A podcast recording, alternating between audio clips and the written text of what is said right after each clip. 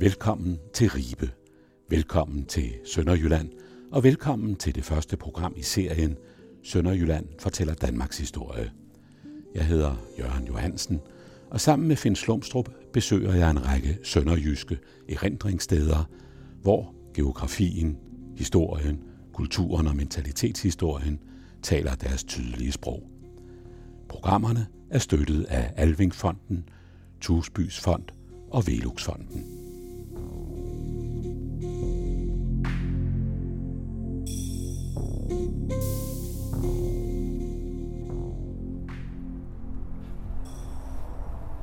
Finn Slumstrup, vi står i Fiskergade ja. i Ribe og kigger faktisk lige over på Stormflodsøjlen.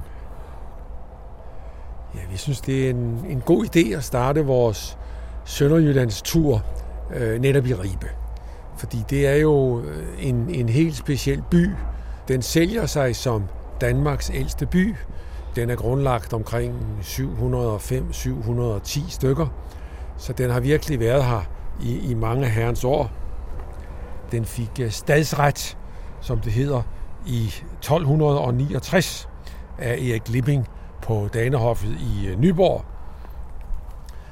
Øh, en af teorierne om, hvorfor den hedder Ribe, det er, at, at det starter jo med en, en handelsplads selvfølgelig hernede ved åen, der løber lige hernede, og selv på en relativt fredelig dag, som i dag, så har vi netop, som du siger, måtte gå nogle skridt op i Fiskergade for at komme i lag af en mur, for ellers ville der være for meget støj til, at det kunne gå ind i højtaleren. Denne handelsplads var lidt specielt. Den var simpelthen øh, indrettet med en lang række striber, øh, eller strimler. Øh, og man mener altså, at det eldanske ripa, det stammer fra striber eller strimler, rifter, hvad ved jeg. Der var, ved man på et tidspunkt, i hvert fald 70 øh, jordlodder, hvor der altså var handelsfolk. Og det er på den der, ud af den der handelsplads, at byen er vokset. Øh, og det, der er det specielle ved den, er jo altså, at så er der i en lang og rig historie passet ualmindeligt godt på den. Så hvis man nu ser på den nye turistbrochure, der præsenterer de sig jo øh, med stolthed som øh, Europas smukkeste mindre by.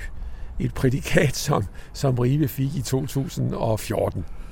Øh, men nu ånder alt jo idyl og velplejethed, men stormflodsøjlen dernede er jo altså et tydeligt eksempel på, at øh, der var en dag eller en gang, hvor, hvor elementerne havde øh, større kraft i forhold til mennesket, end det på danske forhold i hvert fald har i dag. Øh, og øh, det er jo ret foruroligende at stå dernede og kigge langt op ad søjlen, deroppe hvor der står 1634, øh, hvor man altså havde den største stormflod.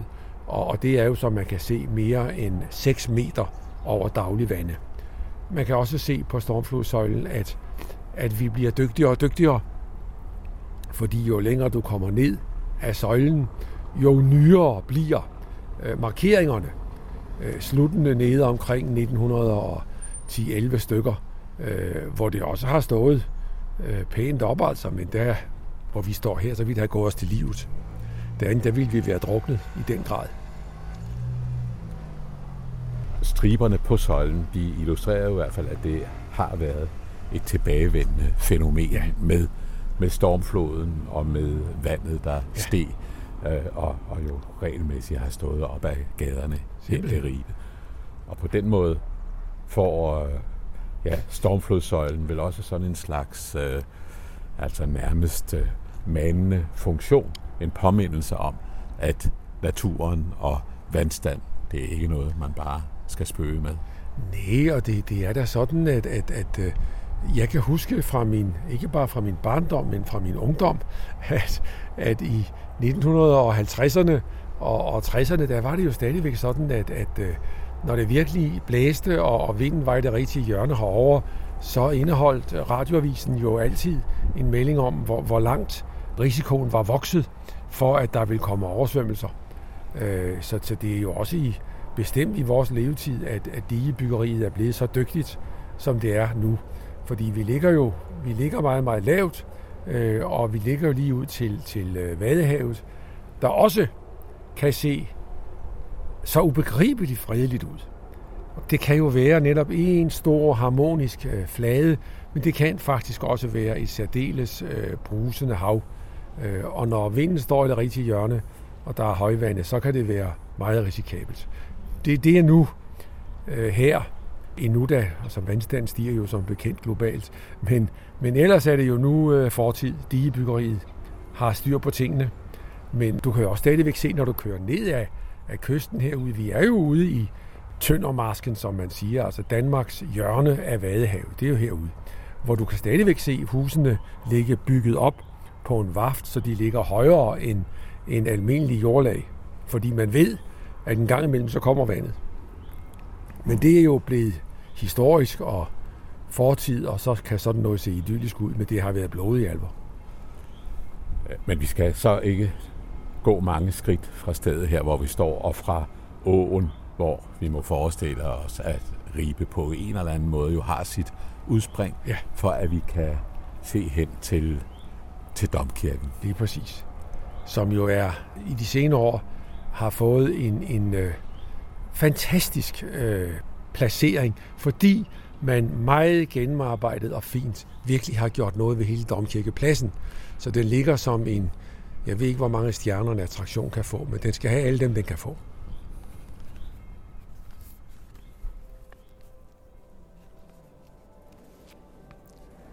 Nu er vi så gået indenfor i Domkirken, og musikken er begyndt. Ja, vi har, vi har ikke løjet og del i det, men der er nogen, der har sat en CD på i hvert fald med, med salmer, så det er udmærket. Uh, vi sidder her i det, som man roligt kan kalde Ribes Vartegn dette kolossale byggeri her, uh, og vi er jo et sted, hvor det, det oser af Danmarks historie, kan man roligt sige. Lige over for kirken ligger jo øh, den bygning, hvor den gamle domskole var, og hvor man kan læse, at der har Peter Palladius og, og Anders Sørensen Vedel og Hans Adolf Brorson øh, har været blandt øh, eleverne. Øh, og foran kirken, eller ved, der hvor der er turistindgang i det her store, store rum, der står der jo tre statuer. Øh, en af, af Hans Tausen, en af Brorson, og så som en ny øh, kommet til en statue af en skar. Og den nye statue, den er vel kommet til, fordi man vel mener, at man måske har fundet det, der så er den oprindelige kirke på stedet. Ja, øh, den, det fortaber sig jo, men, men vi ved jo alle sammen, at vi sidder her i et kæmpe rum, der er bygget øh, fra omkring 1150-1170 øh, og frem til man mener, man er omkring 1250, så har den så nogenlunde form. Men selvfølgelig har der også været noget, der er ældre. Øh, naturligvis er der det. Og, og der arbejdes jo stadigvæk her. Det er også noget det spændende, at, at du har en domkirke, der nu har fået sin virkelige placering ved, at hele den store plads rundt om er blevet meget, meget fornemt flisebelagt, og det skråner ned mod selve kirken. Det ser imponerende ud, øh, og samtidig arbejder man jo med nye udgravninger i nærheden af det. Så, så øh, virkelig altså ny viden og øh, gammel historie. Og vi sidder så her og kigger øh, op mod øh, Aldert, hvor vi jo har et af de øh, senere års varmeste eksempler på diskussion om kirkekunst. Ja, smølferne er de ja. blevet kaldt. Ja. De, øh, jeg ved ikke om det er engle eller hvad det er, vi kigger på diskussionen dengang, da man altså bad Karl Henning Pedersen om at øh, lave udsmykningen, som jo så omfatter øh, tre øh, glasmosaik-vinduer, og så malerier, både oppe i selve buen op for oven, og så nede bag ved aldret. Øh, det var jo også en diskussion. Var, var Karl Henning Pedersen troende? Og kan man få øh, opgaven at lave udsmykning i Ribe Domkirke, hvis ikke man er bekendende kristen? Øh, det kom der en gevaldig diskussion ud af. Jeg, jeg synes, det er temmelig vellykket egentlig. Det synes jeg, det er. Øh, det, det spiller godt ind i rummet. Øh, og hvordan han selv havde det, er for så vidt ligegyldigt, for det har jo i hvert fald tvunget ham ud i metafysiske overvejelser. Det, det kan man roligt det kan, sige. Det kan man godt se, ja. ja det har det. Men ellers øh, synes jeg, at noget af det, noget af det, det spændende ved det, er jo, at at så meget af Ribes historie også hænger sammen med den her kirke. Altså vi har jo bispeportrætter i lange baner, øh, og jeg kan aldrig komme ind uden at blive ej, fordi jeg synes, det er et portræt, der er lavet af min gamle forstander i Askov, Helge Skov, der jo var biskop i Ribe fra 80 til 91. Øh, det synes jeg er blevet så dårligt. Jeg synes, han virker så, så øh, udflydende, hvad han bestemt ikke var. Men, men det er nu ikke ham, vi skal tale om. Men derimod er det jo nødvendigt at nævne Brosson, fordi Brosson følger os jo på mange måder på den her øh, tur. Øh, når vi rejser igennem Sønderjylland, kommer vi på mange måder til at, at følges med Brosson. Han var øh, huslærer i Løgum Kloster fra 1717 til 1721. Så blev han præst i Tønder fra 1729 til 37. Og så kom han her og blev stiftprovst i Ribe. Og senere bliver han jo så altså også øh, biskop. Han, han er øh, biskop fra 1741 og frem til sin død. Det er i 23 år. I øvrigt som yngre bliver han også ordineret her i Ribe Domkirke. Så Brorson følger os virkelig på turen. Og her i de senere år, der øh, er der jo blevet, kan man sige, en ny øh, Brorson interesse, som øh, i den grad skyldes øh, Bente og Torben Bramming, som med stor øh, dygtighed også har fundet fondstøtte. Sådan at Tornborg, hvor øh, Brorson boede, er gået fra øh, forfald til at være en meget smuk og, og, øh, og velholdt bygning, der på det fornemmeste menes en af byens øh, store sønner, kan man roligt sige. Ja, for det er jo så noget af det helt specielle ved Ribe. Det ikke alene er sådan en række enkelte steder, man gør ophold, men at det er et rum, som på en eller anden måde er fyldt op med referencer, minder, øh, som øh, aktiverer ja, så store dele af, ja. af Danmarks historien. Øh, når vi er ved dem, der har, om jeg så må sige, sat deres præg på det kirkelige liv i øh, Ribe, så skal vi jo også have Hans Tausten med. Ja, ja. Ribe er et enestående byrum. Det, det må vi sige. Øh, og og øh, det er derfor også en, en, en by, der er fyldt med mindeplader og, øh, og statuer osv. osv. Historien er i, i enestående grad levende. Øh, jeg nævnte før, da vi var oppe ved Stormflodsøjlen, at den altså har fået dette prædikat som Europas smukkeste mindre by. Det er altså en by, med, hvor der bor omkring øh, 8.000 mennesker. Så den er jo ikke særlig stor. På Brorsons tid, der boede der omkring 1800. Så, så det er jo ikke de store størrelser, øh, vi taler om. Men, men her har det på en eller anden mærkelig måde været koncentreret.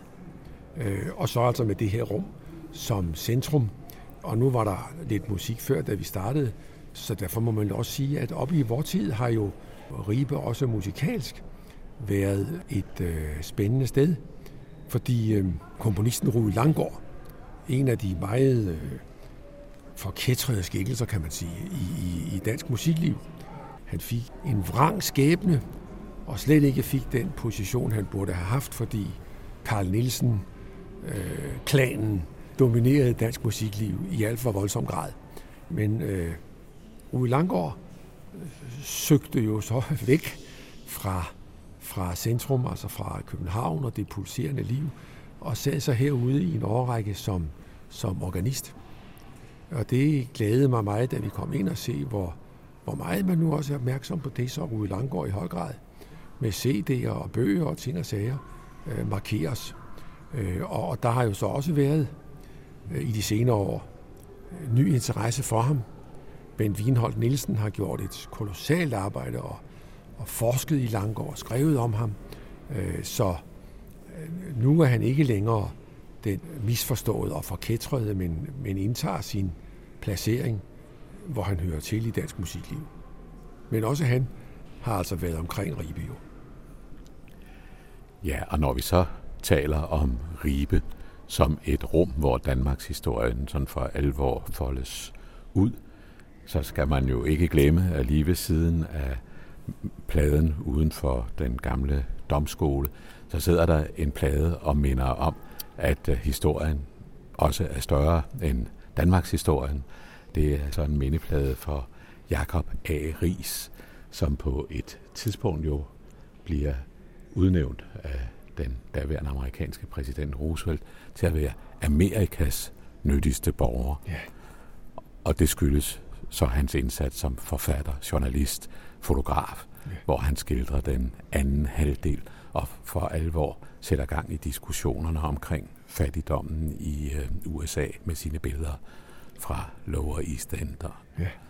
Men, men på den måde kan man sige, at, at Ribe bliver altså lidt mere end kun Danmarks historie. Ja, præcis, præcis. Man kan se på mindetavlen, du viser født i Ribe, død i Massachusetts. Og det var jo utroligt, det han gjorde. Det er ikke mange år siden, der var en meget, meget fin øh, rigsudstilling inde på det kongelige bibliotek, hvor man igen kunne se, hvilken imponerende indsats det er, han gør. Øh, så vidt jeg har kunnet forstå, så, så, så er Jacob Ries jo en del af den store udvandring til Amerika, og han er, han er kikset. Det, det bliver ikke rigtig til noget. Øh, og så en dag, så får han så den der i virkeligheden jo geniale idé. Jamen, jeg har jo fået kendskab til noget, som jeg egentlig slet ikke havde tænkt mig, jeg skulle have kendskab til. Nemlig How the Other Half Lives. Ja. Og så er det, at han begynder at skrive, og, og viser sig også at være en strålende fotograf, og viser den lysende fattigdom i USA. Men han forlod altså Ribe på grund af en, ja, en ulykkelig kærlighedshistorie, ja. som så får sin lykkelige afslutning, ja. efter at han er kommet til USA. Ja. Men på den måde er Ribe jo altså en by, der simpelthen er fuld af historier, som peger i meget forskellige retninger i virkeligheden. Ja, bestemt. Det er også en by, som, som, som i dag er fyldt med en vis øh, vrede efter kommunalreformen. Ribe føler på mange måder, at den er blevet snørret af. Øh, og i dag er der jo ikke noget, der hedder Ribe Kommune. Det hedder øh, Esbjerg Kommune. Øh, og, og du kan jo høre folk sige, at øh, ja, hvis altså Esbjerg kunne flytte domkirken, så ville de nok gøre det. Men, men det er det eneste, de ikke kan. Men, men, men øh, skæbnen har været hård ved Ribe, altså seminariet er lukket, og, øh, og andre ting er også lukket. Så de føler sig lidt snørret af. Og der må man jo sige, at det er for så vidt ikke helt nyt for Ribe at være snørret af. For det mærkelige er jo, at vi sidder i Sønderjylland, men mellem 1864 og 1920, der var Ribe faktisk ikke en del af Preussen, men stadigvæk dansk. Fordi området her var ikke hertugdømme, men var det, der hed nogle af de kongeriske enklaver. Øh, og derfor var det altså stadigvæk dansk, også i ulændigheden, men lå jo noget snørret af, kan man sige. Og det er det så, det er det så blevet igen.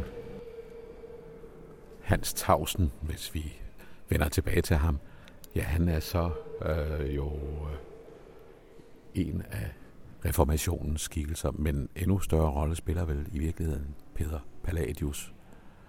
Ja, ja, altså, ja, altså de er jo giganter begge to, øh, og Palladius har jo sin helt særlige placering ved, at han er en af de første, måske den første biskop efter, efter øh, reformationen, øh, og, og laver jo en bog, der stadigvæk er et vidunderligt stykke litteratur, synes jeg, nemlig hans øh, visitatsbog, hvor han, det, det er jo næsten en lærebog om, hvordan nu er vi altså ikke længere katolikker, nu er vi blevet protestanter, og, og derfor så har biskoppen fået nye opgaver, når han kommer på visitats, og det er virkelig en bog, hvor, hvor han på det varmeste og mest faderlige øh, fortæller, hvordan det nu skal til at foregå. Nu hvor Danmark har gennemgået den der store forandring, som vi jo lige nu øh, nærmer os det store jubilæum for. Nemlig øh, Lutherjubilæet i 17, ikke sandt? Og, øh, og kort efter så kommer så reformationen til Danmark jo netop starten med Hans Tausen, og så er det, vi jo siger, 1536 er det, er det officielle år, men, men Hans Tausen er jo i gang for inden. Og Palladius bliver så biskop der og, øh, og laver sin visitatsbog. Og han står jo også herude foran. Og så passerede vi på vejen til domkirken. Jeg tror, det var en forretning med håndarbejde, øh, som hed Marens Blid. Hun har også fået sin mindetavle ikke ret langt fra domkirken. Og det er jo så et af de øh, altså måske lidt mere uhyggelige indspil ja. i øh, Ribe-historien og efter reformationshistorien. Arns Blid var gift med en, øh, ja, en værtshusholder øh, i byen, som hed Splid. Men øh, når hun blev brændt som heks i, jeg tror det er 1641, ja. så var det fordi hun havde øh, ja, kaldt en ulykke ned over hovedet på en af mandens øh, kollegaer. Øh, og da han så 12 år senere blev syg, hævdede han, at det var Maren Splids øh, forbandelse eller påkaldelse af ulykkerne, der havde skaffet ham sygdommen på halsen. Og det endte altså efter lange retssager, hvor Christian den 4. også blev involveret, med at hun blev dømt som heks og brændt på galjebakken her uden for Ribe. Og hun er jo så en af de ja, relativt mange danske kvinder, der blev brændt som hekse, men især var det jo på europæisk plan. Ja. Altså en voldsom historie med omkring 50.000 heksebrændinger. Og det var vel også en historie, der, der så, uden at jeg vil påstå, det er reformationens skyld, øh, i Danmark især tog fart efter reformationen. Ja. Øh, det var jo en stor, en, en stor sag, øh, Marens Blid-sagen. Der var jo der var 15, 15 kvinder, der var anklaget. Altså, der gik simpelthen øh, heksevandvid i det, ikke sandt? 15 kvinder blev anklaget. De 13 af dem øh, klarede sig op på en eller anden måde frisag. Øh, men to, nemlig øh, Marens Blid og så Anna Thomas datter, de blev brændt begge to. Og jeg ved egentlig ikke, hvorfor Marens Blid er blevet så berømt, for det er hun jo. Hun, hun er jo blevet Danmarks næsten kendteste heks. Hun har på en eller anden måde ja. samlet, om jeg så må sige, al den, ja, øh, både uhygge og forarvelse ja. og hvad man nu øh, i øvrigt mobiliserer i forbindelse ja. med hekseregninger det er jo samlet i hendes, ja. hendes skikkelse. Måske også fordi ja, retssagen var baseret på altså, relativt spinkle indicier, ja. må man sige. At 12 år efter hun har udstødt sin øh, forbandelse, eller hvad man nu skal kalde det, bliver han så syg ja. og, og anklager hende. Så det er ikke nogen overbevisende sag. Nej. Jeg har spekuleret på, kan det, kan det skyldes, øh, at hun forsvarede sig med en, med en usædvanlig øh, stolthed og ejerskab, eller sådan noget vrede, så hun altså virkelig var ikke ydmyg og ulykkelig, men at der var noget heks over hende. det, jeg ved ikke. Men i hvert fald er hun jo så en af de 50.000 ud over Europa, der ja. bliver brændt. Og det var jo så især med begrundelsen, at, ja, at man havde spist småbørn ja. eller forskrevet sig til satan, ja. at, at, at man led den død. Ja, ja, kræfterne kom jo forbi, man, fordi man havde forbundet sig med den onde, øh, og havde underkastet sig ham, så får man så til gengæld en ond kraft. Øh, og det betaler man så prisen for. Men i dag kan man så sige, at øh, en form for retfærdighed er sket fyldest. Hun mindes på linje med skolefolk og kirkens folk og Jakob A. Ries og alle de andre, Fordi... som en af Ribes øh, i hvert tilfælde navnkundige borgere. For de 10.000 vis, og er der 10.000 vis af turister, der kommer, øh, og som selvfølgelig skal ind og se den store, imponerende udstilling om, om øh, Ribes vikinger, øh, der er jo kommet til her de senere år, øh, men altså også, også går rundt, og som siger mindeplader, der er hun nu på linje. Og så er hun så altså også blevet til en, en stor og fin øh, gavebutik. det er næsten for ironisk, men det er hun. Ribe er jo også en, en, en by, som har sat sine spor i litteraturen, kan man sige.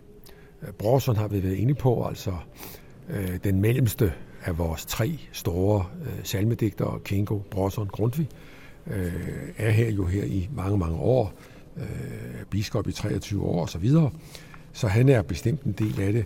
Øh, før ham har vi jo en af de mærkelige skikkelser i dansk litteratur og kultur, nemlig Anders Sørensen Vedel, øh, der levede fra 1542 til 1616.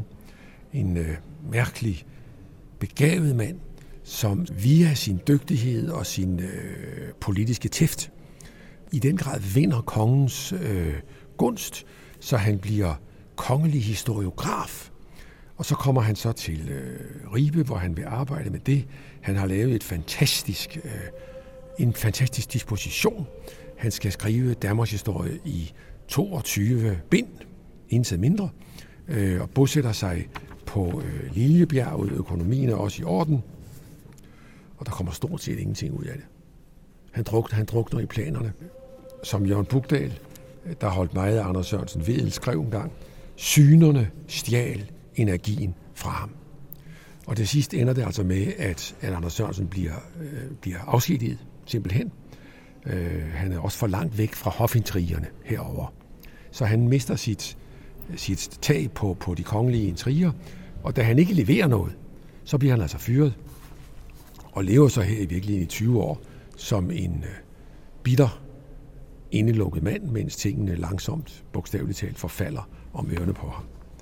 Jørgen Bugdal, der jo er meget senere levet fra 1896 til 1982, men han har jo på mange måder i nyere tid sat Ribe på det litterære landkort, øh, skrevet forskellige bøger om, om øh, Ribe, og øh, debuterer i 1921 med en bog, der hedder Den gamle bys drøm. Øh, senere kommer der en bog, der hedder Året i Ribe, og der kommer op igennem 30'erne og 40'erne mindre arbejder om Ribe. Hans indgang til Ribe er, at han bor her i lidt over to år som student, eller som, som elev på øh, katedralskolen. Og øh, jeg kunne godt tænke mig lige at læse et, et afsnit fra hans bog, Den gamle bys drøm, fordi det er et meget smukt billede af Ribe som virkelig senromantisk skildret. Bugdal sidder op i Norge øh, og kigger ind i starinlys og kommer der til at tænke på den gamle by, der ligger hernede i Danmark. Og så skriver han, Som jeg stiger ind i det skinnende lys, så ser jeg den for mig, den gamle by.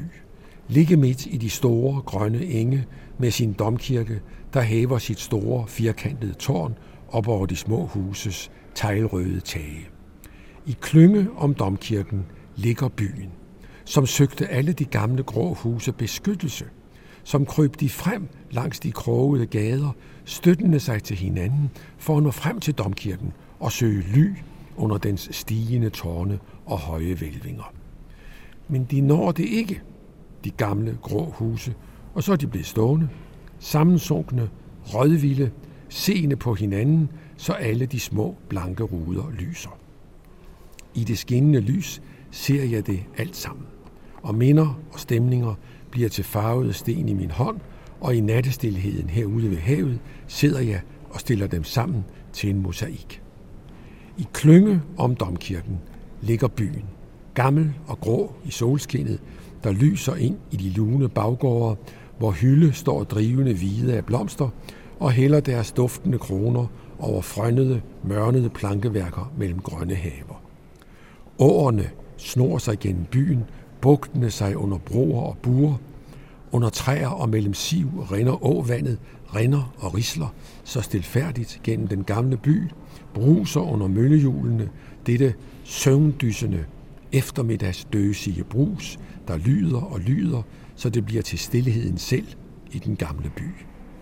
Og årene rinder videre og vinder sig i sære slyngninger ud gennem engene, nynnende med små kluk mellem sivene, sin gamle vise om den gamle by, der sover i solen. Så gammel, så grå og god med sine kirker og klostre, sine huse og haver, gader og gyder, sine blomstrende hylde, der dufter over minder og drømme om de dage og de år, der er gået, er døde, rundet væk, fortabt sig som åen i særes lyngninger i den levende nutid, nynnende sine minder, der er som åvandets suk mellem siv. Midt i sine grønne enge ligger den gamle by som tabt bag ved historiens vogn. Og så er den blevet liggende og sovet ind, mens tiden er gået fra den, så den bare har sin drøm tilbage. En drøm, der er som et eventyr, et af disse, der begynder med, der var en gang. Den er som en scene, hvor store akter af Danmarks historie engang er blevet spillet. Men nu er skuespillerne døde, og ingen har kømret sig om at flytte kulisserne.